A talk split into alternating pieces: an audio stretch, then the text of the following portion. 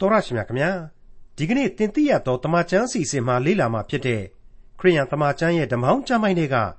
ဟေရှာယနဂတိကျမ်းအခန်းကြီး60နဲ့အခန်းကြီး61မှာထာဝရဘုရား၏ဝိညာဉ်တော်သည်ငါ့အပေါ်မှာတည်တော်မူ၏ဆိုတဲ့ဖော်ပြချက်ပါရှိပါတယ်။ဖန်ဆင်းရှင်ထာဝရဘုရားရဲ့ဝိညာဉ်တော်ဟာဘု து အပေါ်မှာတည်တော်မူပါသလဲ။ဖန်ဆင်းရှင်ဘုရားရဲ့ကြိုတင်ပြရိတ်ပြုချက်တွေကိုဖော်ပြရတဲ့ပရောဖက်ကြီးဟေရှာယအပေါ်မှာ ဘုရားရှင်ရဲ့ဝိညာဉ်တော်ကတည်နေတော်မူပြီးသားဖြစ်တယ်လို့ဒီနေရာမှာဒီလိုဖော်ပြချက်ကဒီထက်ပိုပါတယ်။ဘာကြောင့်လဲဆိုတော့နောက်နှစ်ပေါင်းများစွာကြာလို့လူသားတိုင်းရဲ့ကယ်တင်ရှင်သခင်ဖျားဖြစ်တော်မူသောယေရှုခရစ်တော်ပေါ်ထွန်းတော်မူတဲ့အခါယေရှုခရစ်တော်ဟာဒီဖော်ပြချက်ကိုကိုယ်တော်တိုင်မွဲ့ဆိုတော်မူခဲ့တာကြောင့်သာဝရဘုရားရဲ့ဝိညာဉ်တော်ဟာယေရှုခရစ်တော်အပေါ်မှာတည်တော်မူတယ်ဆိုတာကိုထင်ရှားစေတဲ့အကြောင်း ဒီကနေ့တင်ပြရတော့တမချန်းအစီအစဉ်မှာခရိယန်တမချန်းရဲ့ဓမ္မဟောင်းကျမ်းပိုင်းတွေကဟေရှာယအနာဂတ်ကျမ်းအခန်းကြီး60နဲ့အခန်းကြီး61တို့ကိုလေ့လာမှာဖြစ်ပါတယ်။ပရောဖက်ကြီးဟေရှာယအနေနဲ့မခွဲခြားနိုင်တဲ့ကြိုတင်ဗျာဒိတ်ပြုချက်အနာဂတ်ကိုယေရှုခရစ်တော်ကခွဲခြားပေးတော်မူခဲ့တဲ့အကြောင်းကိုလည်းလေ့လာရမှာဖြစ်တဲ့ဟေရှာယအနာဂတ်ကျမ်းအခန်းကြီး60နဲ့အခန်းကြီး61တို့ကိုဒေါက်တာထွန်းမြတ်အေးက အခုလိုရှင်းလင်းတင်ပြထားပါတယ်။တောတရှင်မိတ်ဆွေအပေါင်းတို့ခမညာဒီကနေ့ကျွန်တော်တို့ဆက်လက်လေ့လာရမှာကတော့ဟေရှာယအနာဂတိကျမ်းအခန်းကြီး60ပဲဖြစ်ပါတယ်။ဖြောက်မှတ်ခြင်းတရားဤအလင်းပေါ်ထွန်းပြီဆိုတဲ့ခေါင်းစဉ်နဲ့စတင်လေ့လာကြည့်ကြပါစို့။ဟေရှာယအနာဂတိကျမ်းအခန်းကြီး60အငယ်1သင်ထလော့လင်းလော့သင်ဤအလင်းရောက်လာပြီထာဝရဘုရားဤဘုန်းတော်သည်သင်ဤအပေါ်မှာပေါ်ထွန်းလျက်ရှိ၏ ထာဝရဘုရား၏ဘုန်းတော်သည်သင်၏အလင်းတဲ့မာလခိအနာဂတိကျမ်းအခန်းကြီး၄အငယ်1မှာကျတော့အခုလိုတွေ့ရပါတယ်ငါဤနာမတော်ကိုကြောက်ရွံ့သောသင်တို့၌ကတရားတော်နေမင်းသည်အနာပြောက်စေသောအတောင်တို့နှင့်ပေါ်ထွန်းတော်မူမည်တဲ့ဟုတ်ပါတယ်အပြစ်ဒုစရိုက်မှောင်မိုက်အညစ်အကြေးနဲ့သက်ဆိုင်တဲ့အနာအစာတွေကိုဖုံးလွှမ်းစေသောအလင်းဖြစ်ပါတယ်ကျွန်တော်တို့ဟာပြီးခဲ့တဲ့အခန်းကြီး59အထိအတွင်းမှာ ဖျားသခင်စည်းုံတောင်ပေါ်ကိုကြွလာတော်မူမည်ဆိုတာကိုမကြာခဏကြားခဲ့ကြရပါတယ်အခုတော့ဒီအလင်းဟာရောက်ရှိလာပြီဆိုတဲ့အချက်ကိုပြောင်းလဲပြီးတော့ဖော်ပြလိုက်ကြောင်းတွေ့မြင်နိုင်ပါတယ်ဟေရှာယနဂတိကျမ်းအခန်းကြီး60အငယ်1နဲ့3ကြည့်ရှုလောမှောင်မိုက်သည်မြေကြီးကိုဖုံးလွှမ်းလိမ့်မည်ထူတတ်သောမှောင်မိုက်သည်လူများကိုဖုံးလွှမ်းလိမ့်မည်သို့တော်လည်းသင်၏အပေါ်မှာထာဝရဘုရားသည်ပေါ်ထွန်းတော်မူ၍ဘုန်းတော်သည်သင်၏အပေါ်မှာထင်ရှားလျက်ရှိလိမ့်မည် တပါးမျိုးသားတို့သည်သင်၏အလင်းသို့၎င်းရှင်ဘရင်တို့သည်သင်၌ပေါ်ထွန်းခြင်းအယောင်သို့၎င်းလာကြလိမ့်မည်ကဲဒီအလင်းတရားဟာဣသရေလမှသည်ကျွန်တော်မြေလောကသားအားလုံးစီအထိဖုံးလွှမ်းသောကျေးဇူးတော်အဖြစ်တည်ရှိနေကြောင်းတွေ့လာရပါပြီထူတတ်သောမှောင်မိုက်ကြီးဟာဖုံးလွှမ်းမယ်ဆိုတာကိုညအမှောင်ကြီးလို့သွားပြီးမတွေးကြပါနဲ့နော် ထွတ်မြောက်ရာကြံအရာမှောင်မိုက်ဆိုတာဟာတခါတည်းမှဘုရားသခင်အဆောင်အယောင်ကိုဖော်ပြတာမှန်သိရပါတယ်ထွတ်မြောက်ရာကြံအခန်းကြီး20အငယ်21အရာလူများတို့သည်လည်းအဝေး၌ရပ်နေကြ၏မောရှိမူကဘုရားသခင်ရှိတော်မူရာထူတတ်သောမှောင်မိုက်သို့ချင်းကပ်လေ၏တဲ့ကဲ အဲ့ဒီမောရှိခေတ်တုန်းကလေးကဘုရားသခင်စီကိုမောရှိကသွားရတဲ့သဘောဖြစ်တယ်အခုကျတော့ဘုရားသခင်ကိုယ်တိုင်ကလူသားတိုင်းစီကိုလာတယ်ဆိုတဲ့သဘောမျိုးဖြစ်အောင်ရှင်းနေအောင်ဖော်ပြထားပြီဘုရားသခင်အတွက်မှောင်မိုက်နှင့်အလင်းဤသဘောတည်တူပါ၏ဆိုတာကိုလေ139ခုမြောက်သောဆာလံမှာဒါဝိမင်းကြီးဖော်ပြခဲ့ပါသေးတယ်ဟေရှာယအနာဂတိကျမ်းအခန်းကြီး60အငယ်၄မှ9အရရတ်တို့မျှော်ကြည့်လော့ ခတ်သိမ်းသောသူတို့သည်စုဝေး၍သင့်ထံသို့လာကြ၏သင်၏သားသမီးတို့သည်အဝေးကလာ၍သင်၏အနားမှမွေးစားခြင်းကိုခံကြလိမ့်မည်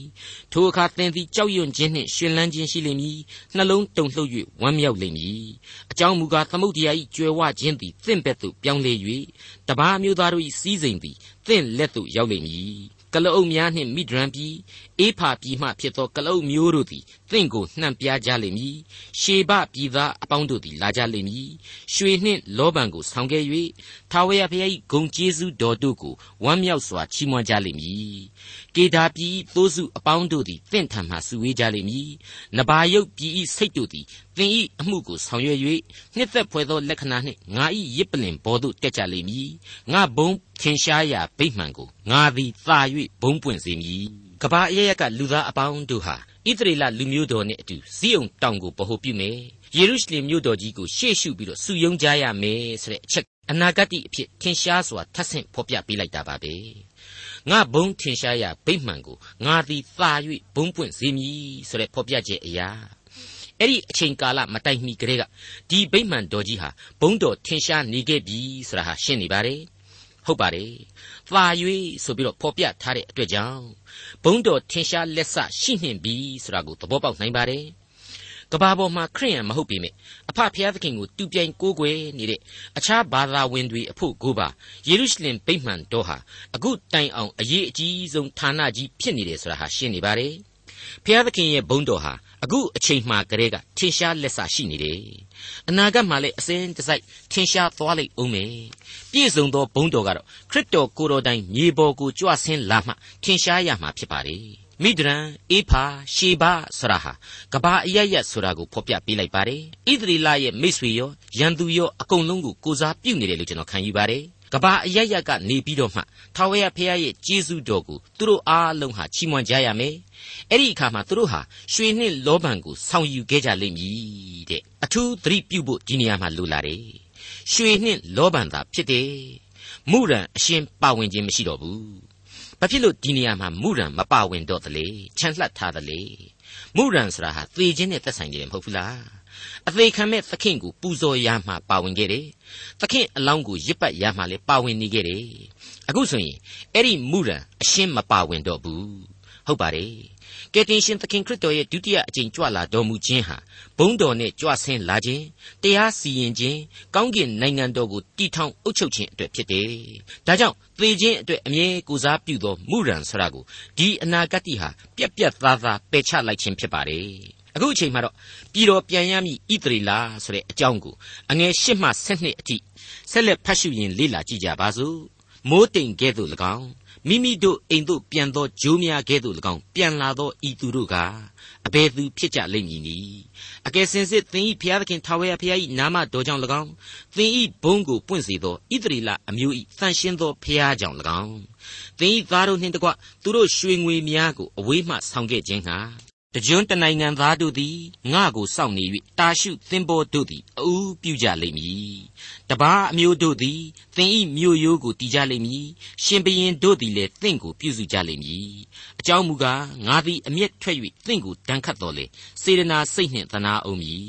တပားအမျိုးသားတို့၏စီးစိမ်ကိုသင်ထံသို့ဆောင်ခဲ့၍သူတို့၏ရှင်ဘရင်တို့ကိုလည်းပို့သမည်အကြောင်းသင်ဤတကားတို့ကိုနေညမပိတ်ဖဲအစဉ်ဖွင့်ထားရလိမ့်မည် အကျင်ပြည်နှင့်အကျင်နိုင်ငံသည်သင်၏အမှုကိုမဆောင်ထိုပြည်နှင့်ထိုနိုင်ငံသည်ပျက်စီးရလိမ့်မည်ထိုသို့သောတိုင်းနိုင်ငံတို့သည်သုတ်သင်ပယ်ရှင်းခြင်းကိုအမှန်ခံရကြလိမ့်မည်တကြွတနိုင်ငံသားတို့သည်ငါကိုစောင့်နေ၍တာရှုသင်္ဘောတို့သည်သင်တို့ကိုဦးစားပေးကြမည်တဲ့ဒီအချက်ဟာအလွန်မထူးဆန်းဘူးလား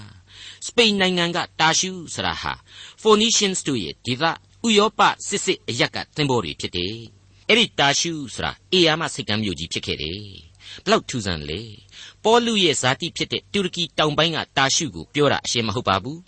စပိန်နိုင်ငံကတာရှုဆိုတဲ့အရက်ကသင်္ဘောတွေကိုဖော်ပြလိုက်ခြင်းဖြစ်ပါတယ်ဘလောက်ထိဒီနေရာမှာဒီအပိုင်းဟာအံ့ဩဖို့ကောင်းတယ် အခုဟေရှာယရဲ့ခေတ်အချိန်ခါမှာမြောက်ဖက်ဣသရေလကျွန်ဖြစ်သွားတာမှန်တယ်။ကဘာအနှံ့ပြန့်နှံ့သွားတာလည်းမှန်တယ်။အဲ့ဒီဣသရေလတွေကိုပင်လေရဲ့အဖက်ဖက်သမုတ်တရားအရရကနေပြီးတော့သယ်ဆောင်လာရမယ်ဆိုပြီးတော့ဟေရှာယကအခုလူပြောရလောက်အောင်ခေတ်လည်းမပြောင်းသေးဘူး။သမိုင်းလည်းမတွင်သေးဘူးမပြောင်းသေးဘူး။အဲ့ဒီအခြေအနေမှာဟေရှာယဟာရှေးနှစ်ပေါင်းများစွာကတည်းကကြိုပြီးပြောလိုက်တယ်။ကဘာအရရကနေတာရှုသင်္ဘောတို့သည်အူးပြုကြမည်တဲ့ တနည်းအားဖြင့်ကတော့ဒါဟာတောင်အမေရိကတိုက်မြောက်အမေရိကတိုက်အာဖရိကတိုက်အာရှဩစတြေးလျဆိုတဲ့အဲ့ဒီခေတ်ကဟေရှာယကြားဘူးဖို့နေနေသားသားအမှန်တကယ်နလန်တောင်မထူသေးတဲ့အရက်ဒေသတွေကဣသရေလတွေဟာသင်္ဘောကြီးတွေနဲ့ပြန်လာကြမယ်ဆိုတဲ့အတိတ်ပဲပါပဲဂျိုးများကဲ့သို့ပြန်လာအောင်မယ်ဆိုပါလားအဲ့ဒါကြတော့ဘာအတိတ်ပဲလေလေပြန်ကြီးတွေနဲ့ပြန်လာမယ်ဆိုတဲ့အတိတ်ပဲပေါ့ရှင်းနေတာပဲမဟုတ်ဘူးလား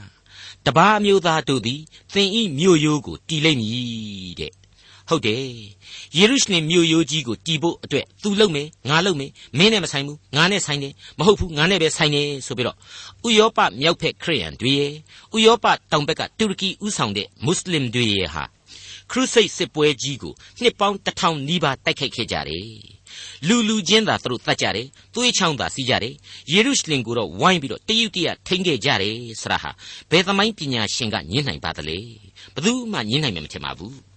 အကျင်ပြည်နှင့်အကျင်နိုင်ငံသည်သင်ဣသရေလ၏အမှုကိုမကူညီထိုပြည်နှင့်ထိုနိုင်ငံသည်ပျက်စီးရလိမ့်မည်ဆိုတဲ့ဗျာဒိတ်သမိုင်းအရာကတော့ကြိုက်ကြိုက်မကြိုက်ကြိုက်အမြဲတမ်းမှန်နေစမြဲပဲလို့ကျွန်တော်သုံးသပ်ပါတယ်ခရိယန်ဟုတ်သည်ဖြစ်စေမဟုတ်သည်ဖြစ်စေနှုတ်ကပတ်တော်အကြောင်းကိုသိတဲ့နိုင်ငံတိုင်းဟာအဲ့ဒီအချက်ကြောင့်ပဲဂျူးကိုကြည်ပေါင်းနေရတယ်ဆိုတာကိုဘယ်သူမှဆက်ပြီးတော့ညင်းလို့ရနိုင်မှာမဟုတ်ပါဘူးဟေရှာယအနာဂတိကျမ်းအခန်းကြီး60အငယ်73နဲ့74 ငါဤတန်ရှင်းရာဌာနကိုတင့်တယ်စေခြင်းဟာလေပနုံဘုံနှင့်တကွထင်းယူပင်တဒေရပင်တာရှုရပင်တို့သည်သင့်ထံသို့တညီတညွတ်တီရောက်လာကြလိမ့်မည်ငါသည်ငါ၏ခြေတင်ရာအရက်ကိုဘုံပွင့်စေမည်သင်ကိုညှင်းဆဲသောသူတို့၏သားတို့သည်သင်ထံသို့လာ၍ဥချကြလိမ့်မည်သင်ကိုမထီမဲ့မြင်ပြုသောသူအပေါင်းတို့သည်သင်၏ခြေရင်း၌ဝတ်နေကြလိမ့်မည်ထာဝရဘုရား၏မြို့ ဣသရေလအမျိုး၏တန်ရှင်းသောဘုရား၏ဇီးအုံမြို့ဟု၍သင်ကိုသမုတ်ကြလိမ့်မည်ဣသရေလမာနအရှင်းတက်လို့မရဘူးတပားအမျိုးသားကျွန်တော်တို့တစ်ချိန်တည်းမှာဣသရေလဗျာဒိတ်ကြောင့်ဣသရေလကိုကြောက်နေဖို့အရှင်းမလိုဘူးလိုအပ်တာကတော့ဘုရားသခင်အမိန့်တော်ကိုနာခံဖို့ပဲသူနဲ့ဆိုင်တဲ့သီးသန့်ဗျာဒိတ်တွေရှိပါတယ်ဣသရေလနဲ့ပတ်သက်လို့ပြောတာပါပြီးတော့ကျွန်တော်နဲ့ဆိုင်တဲ့သီးသန့်ဗျာဒိတ်တော်တွေဟာလည်းရှိနေပါတယ် လူချင်းတူတူသူချင်းမျှမျှမျှသာဖြစ်ပါတယ်ဘုရားသခင်ကိုကြောက်ရွံ့ယူသည်ပြတ်ဖို့ကိုးကွယ်ဖို့သာလိုပါတယ်ဘုရားသခင်ကိုကိုထားတဲ့အမျိုးဘုရားသခင်ကိုကိုခန့်ထားရဘဝမှာပဲကို့အနေနဲ့ဘုရားသခင်ကိုဥခိုက်ပြတ်ဖို့ဖို့သာလျှင်အဓိကဖြစ်ပါတယ်အခုအချိန်မှာတော့ဣသရေလဤသီးသန့်ဗျာဒိတ်တော်ဆိုပြီးတော့ဆက်လက်တင်ပြရန်ရှိလာပါတယ်ဟေရှာယနဂတိကျမ်းအခန်းကြီး60အငယ်15မှအဆုံးအထိသင်ကိုအဘယ်သူမျှရှောက်၍မသွားရမည်အကြောင်း သူတပားတို့သည်သင်ကိုစွန့်ပစ်ယွန်ရှာကြသည့်အတွက်ငါသည်သင်ကိုထာဝရအထွတ်အမြတ်ဖြစ်စေမည်လူမျိုးအစဉ်အဆက်ဝမ်းမြောက်เสียအကြောင်းလည်းဖြစ်စေမည်သင်သည်တပားမျိုးသားတို့၏နှုတ်ကိုဆိုရလိမ့်မည်ရှင်ဘရင်တို့၏သားမြတ်ကိုလည်းဆိုရလိမ့်မည်ငါထာဝရဘုရားသည်သင်ကိုကယ်တင်သောသူယာကုပ်အမျိုး၌တကိုးကြီးသောဘုရားသည်သင်ကိုရွေးနှုတ်သောသူဖြစ်ကြောင်းကိုသင်သည်သိရလိမ့်မည် ကြေးဝါအရာ၌ရွှေကို၎င်း၊သံအရာ၌ငွေကို၎င်း၊တစ်သားအရာ၌ကြေးဝါကို၎င်း၊ကြောက်အရာ၌သံကို၎င်းငါဆောင်ခဲ့မည်။ သင်ဤအရာရှိတို့ကိုငြိမ်သက်သောသဘောအခွန်ခံတို့ကိုဖြောက်မတ်သောသဘောနှင့်ပြည့်စုံစေမည်။သင်ဤပြည်၌အနိုင်အထက်ပြုခြင်းအသံကိုနောက်တဖန်မကြားရသင်ဤနယ်အတွင်းတွင်လူယူဖြစ်စည်းခြင်းမရှိရသင်ဤမြို့ရိုးကိုကဲတင်ခြင်းဟု၍၎င်းမြို့တကားတို့ကိုချီးမွမ်းခြင်းဟု၍၎င်းသမုတ်ရလိမ့်မည်နောက်တဖန်နေ့အချိန်၌သင်ဤအလင်းသည် နေပေးသောအလင်းမဟုတ်ညအချိန်၌လေလအယောင်သည်သင်ကိုမလင်းစေရ အကြောင်းမူကားထာဝရဘုရားသည်သင်၌ထာဝရအလင်းသင်၏ဘုရားသခင်သည်သင်၏ဘုံအသရေဖြစ်တော်မူလိမ့်မည်နောက်တဖန်သင်သည် သင်ဤနေသည်မဝင်ရသင်ဤလသည်လည်းမဆုတ်ရထာဝရဘုရားသည်သင်၌ထာဝရအလင်းဖြစ်တော်မူ၍စိတ်မသာညှိတွားရာကာလကုန်လေပြီသင်ဤလူအပေါင်းတို့သည်ဖြောက်မှတ်၍ပြည်တော်ကိုအစဉ်အမြဲအမွေခံသဖြင့်ငါဤဘုံပွင့်စေခြင်းဟာငါကိုယ်တိုင်စိုက်၍ပြုစုသော ပြိုးပင်ဖြစ်ရကြလိမ့်မည်သူငယ်တယောက်သည်လူတစ်ထောင်ဖြစ်ရလိမ့်မည်အားနည်းသောသူတယောက်သည် အားကြီးသောလူမျိုးဖြစ်ရလိမ့်မည်ငါထာဝရဘုရားသည်အချိန်ရောက်လျင်ထိုအမှုကိုနှိုးဆော်မည်သင်ဆိုတဲ့ဣသရေလကိုသူတစ်ပါးတို့စွန့်ပစ်တယ်ယွန်ရှာတယ်တဲ့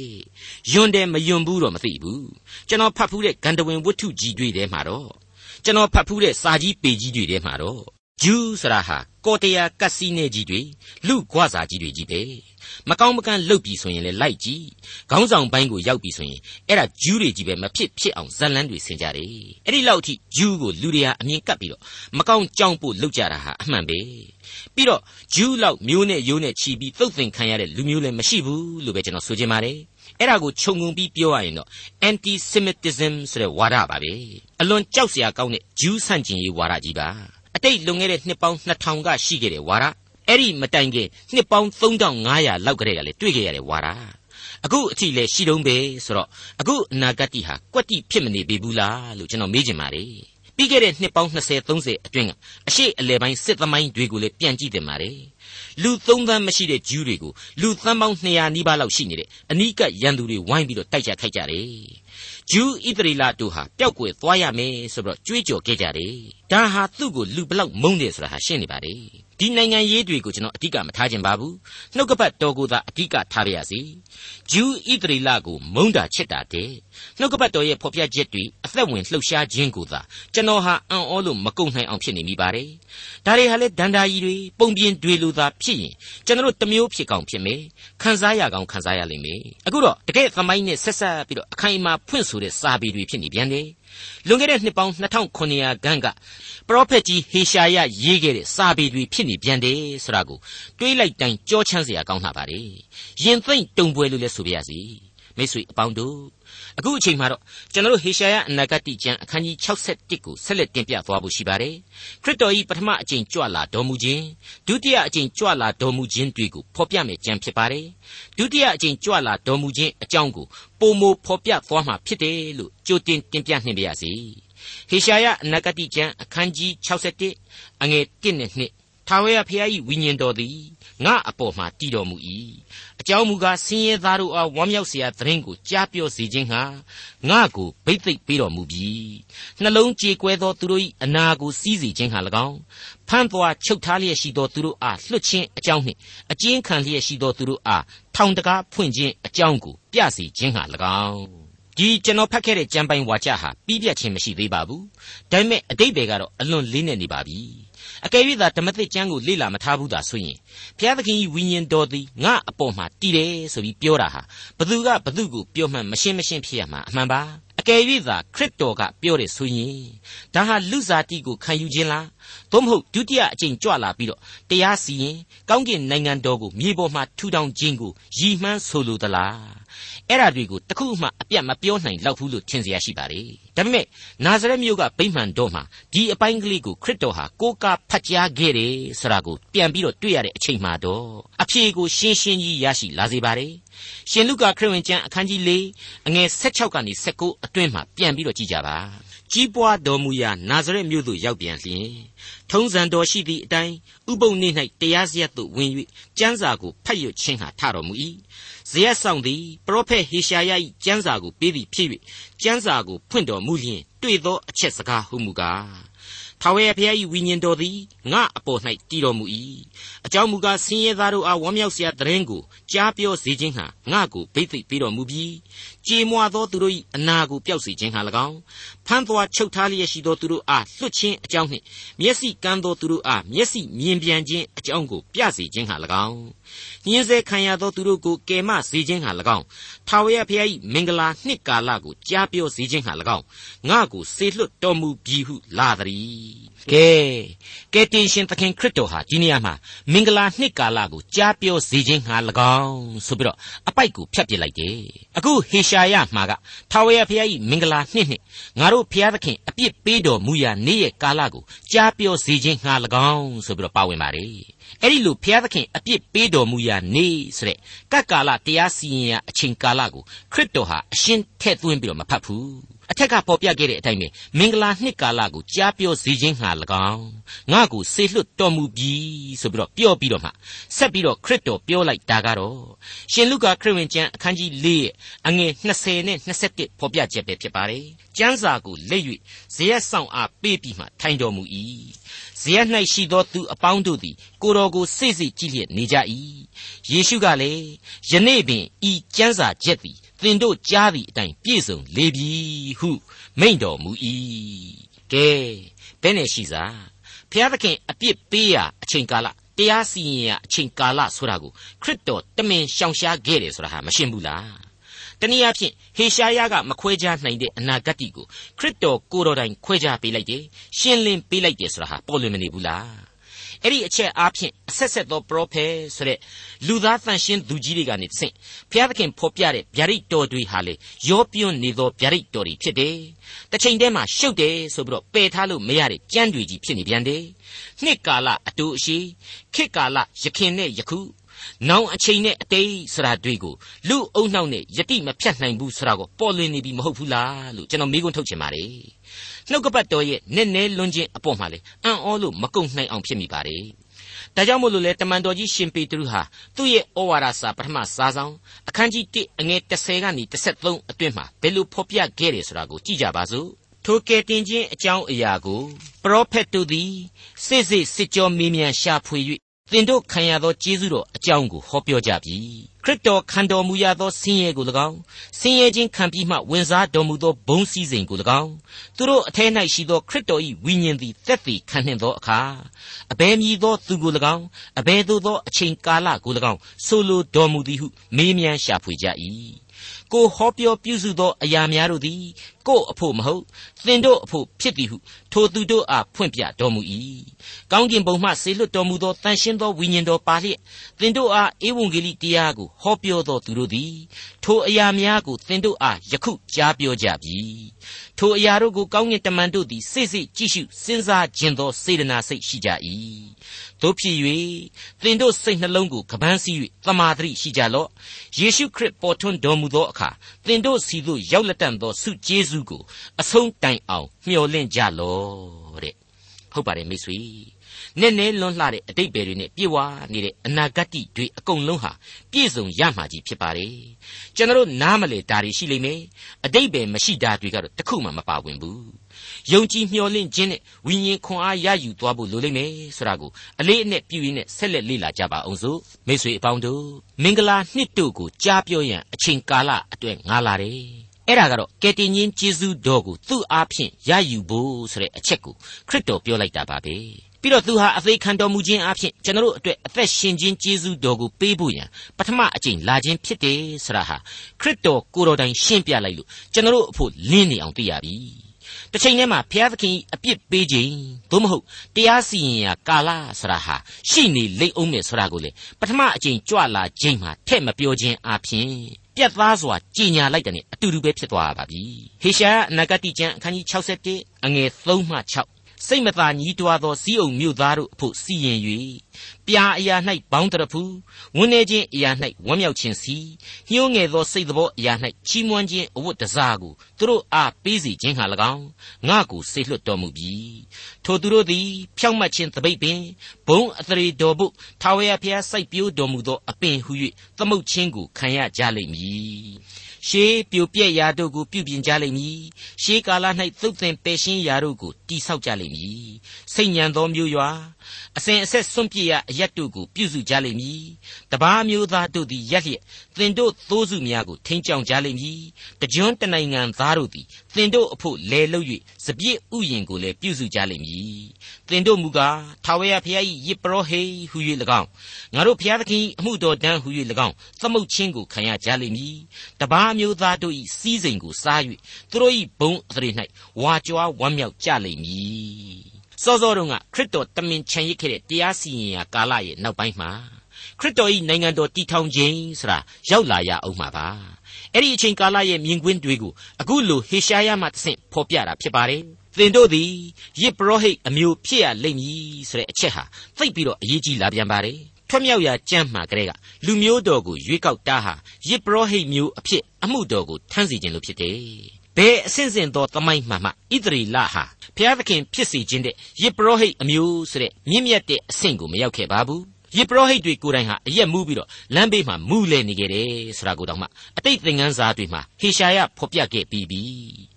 အပြစ်သားတွေအဖြစ်သားစီအစဉ်တီးရှိခဲ့တဲ့ဣသရီလသမိုင်းဟာနောက်ဆုံးအချိန်မှကျတော့အမှန်တကယ်ယေပရောဟိတ်အမျိုးလို့သူတို့ကိုသတ်မှတ်နိုင်မှာပါဟေရှာယအနာဂတိကျမ်းအခန်းကြီး61အငယ်9မှ9 သင်တို့အဆက်ကွဲခြင်းအရာ၌နှစ်ဆသောအကျိုးကိုခံရ၍အသရေပြက်ခြင်းအရာ၌လေသူတို့အဖို့ကိုခံစားလျက်ဝမ်းမြောက်ကြလိမ့်မည်သူတို့မြေ၌နှစ်ဆသောအဖို့ကိုအမွေခံရ၍ထာဝရဝမ်းမြောက်ခြင်းနှင့်ပြည့်စုံကြလိမ့်မည် အကြောင်းမူကားငါထာဝရဘုရားသည်တရားသဖြင့်စီရင်ခြင်းကိုနှစ်သက်၏လူယူခြင်းအမှုနှင့်အတ္တမအမှုကိုမုံ၏သစ္စာအတိုင်းသူတို့အားအကျိုးကိုပေးမည်သူတို့နှင့်ထာဝရပရိညင်ကိုဖွဲ့မည်သူတို့အမျိုးအနွယ်သားစဉ်မြေးဆက်တို့သည်တပားအမျိုးသားနေရာအရရ၌ကြော်စောကြလိမ့်မည်သူတို့သည်ထာဝရဘုရားကောင်းကြီးပေးတော်မူသောအမျိုးအနွယ်ဖြစ်ကြ၏ဟုသူတို့ကိုမြင်သောသူအပေါင်းတို့သည်ဝန်ခံကြလိမ့်မည် ဣသရေလလူမျိုးတို့ရဲ့ပါဇက်ကဖျားဖျားလက်ကကာယကာယလုံမှုတွေဖျားသခင်ကိုသိပါလျက်နှင့်တရားမရှိမှုတွေဟာအလိုလိုကွယ်ပြောက်သွားရလိမ့်မယ်သူတို့ကိုကြည်ယုံလောက်နဲ့တောင်းမှလောကသားအပေါင်းတို့ဟာဖျားသခင်ကိုကိုးကွယ်လာကြရလိမ့်မယ်ဆိုတာကိုဖော်ပြထားပါတယ်ဟေရှာယအနာဂတိကျမ်းအခန်းကြီး61အငယ်30နဲ့17အဆုံးအထိထာဝရဘုရားကြောင့်ငါသည်အလွန်ဝမ်းမြောက်၍ငါ၏ဘုရားသခင်ကြောင့်ငါဝိညာဉ်သည်ရှင်လန်းမည် အကြောင်းမူကားမင်္ဂလာဆောင်လူလင်သည်ဘောင်းတရဖူကိုဆောင်းတကဲ့သို့၎င်းမင်္ဂလာဆောင်သူတို့သမီးသည်တစားဆင်တကဲ့သို့၎င်းကဲတင်ချင်းအဝတ်တစားနှင့်ငါကိုဝတ်ဆင်စေ၍ဖြောက်မှတ်ခြင်းဝတ်လုံနှင့်ခြုံတော်မူပြီမြေကြီးသည်အပင်ကိုပေါက်စေတကဲ့သို့၎င်းလေယာသည်မိမိ၌စိုက်သောမျိုးစေ့ကိုအလျှောက်ထွက်စေတကဲ့သို့၎င်းထို့အတူထာဝရဘုရားသည်ခသိန်းသောလူမျိုးရှိမှဖြောက်မှတ်ခြင်းနှင့်ချီးမွမ်းခြင်းကိုပေါ်ထွန်းစေတော်မူလိမ့်မည်မိတ်ဆွေဘုရားသခင်ဟာမင်္ဂလာနှင့် ကျေးဇူးနဲ့ဂရုနာတော်ခင်မှကြွလာပြီးတော့ကျွန်တော်တို့ကိုအပြစ်ကနေရွေးနှုတ်ပေးခဲ့ပြီဖြစ်ပါတယ်ကျွန်တော်တို့သူ့ကိုယုံကြည်တဲ့နေ့ကစပြီးတော့ကောင်းကင်နိုင်ငံတော်ရဲ့အမွေကိုခံရတော့မယ်။ထာဝရအသက်ကိုခံယူရရှိတော့မယ်ဆိုတာကိုသိနာလေကြပါတယ်။ယုံကြည်ခြင်းအပြင် ဖြောက်မှတ်ခြင်းအခွင့်ကိုခံစားရတယ်ဆိုတာကိုလူသမိုင်းအစမှကတည်းကဘုရားသခင်ဖော်ပြခဲ့ပြီးပါပြီ။အဆက်ဆက်သောယုံကြည်သူအပေါင်းတို့ဟာသူတို့ရဲ့အသက်တာမှာကယ်တင်ခြင်းအဝတ်တစားဖြောက်မှတ်ခြင်းဝတ်လုံတို့ကိုဆင်မြန်းပြီးတော့ဘုရားသခင်ကြောင့်စိတ်ဝိညာဉ်မှလူတို့မကြံစီမတွေးဆနိုင်သောငြိမ်သက်ခြင်းဝမ်းမြောက်ခြင်းတို့ကိုအသီးသီးခံစားခဲ့ကြပါပြီ။အဲ့ဒီလိုလက်တွေ့ကြကြခံစားရတဲ့ကျေးဇူးတရားသက်သေအပေါင်းတို့ဟာ နောင်အနာဂတ်ကာလအစဉ်အဆက်သောယုံကြည်သူတို့အတွက်လည်းဖြစ်တယ်။အထူးသဖြင့်ကျွန်တော်တို့တွေးဆမျှော်မြင်နိုင်သမျှစွန့်ပကားနေနှုတ်ကပတ်တော်ကိုအခြေပြုရင်းဤအမျိုးစုံနဲ့အပြေရှားနေသောနိုင်ငံတော်တည်ထောင်ခြင်းမှာတော့အကျွင့်မဲ့ပြည့်စုံရမှာအသေးချာဖြစ်တဲ့အကြောင်းဟေရှာယအနာဂတိဟာရှင်းလင်းပြတ်သားစွာဖော်ပြပေးလိုက်ပါတယ်။ဒေါက်တာထွန်းမြတ်ရေးစီစဉ်တင်ဆက်တဲ့တင်ပြတော်တမချန်းအစီအစဉ်ဖြစ်ပါတယ်။နောက်တစ်ချိန်အစီအစဉ်မှာခရိယန်တမချန်းရဲ့ဓမ္မဟောင်းကျမ်းပိုင်းတွေက ဟေရှာယအနာဂတိကျမ်းအခန်းကြီး62နဲ့အခန်းကြီး63တို့ကိုလေ့လာမှာဖြစ်တဲ့အတွက်စောင့်မျှော်နားဆင်နိုင်ပါတယ်။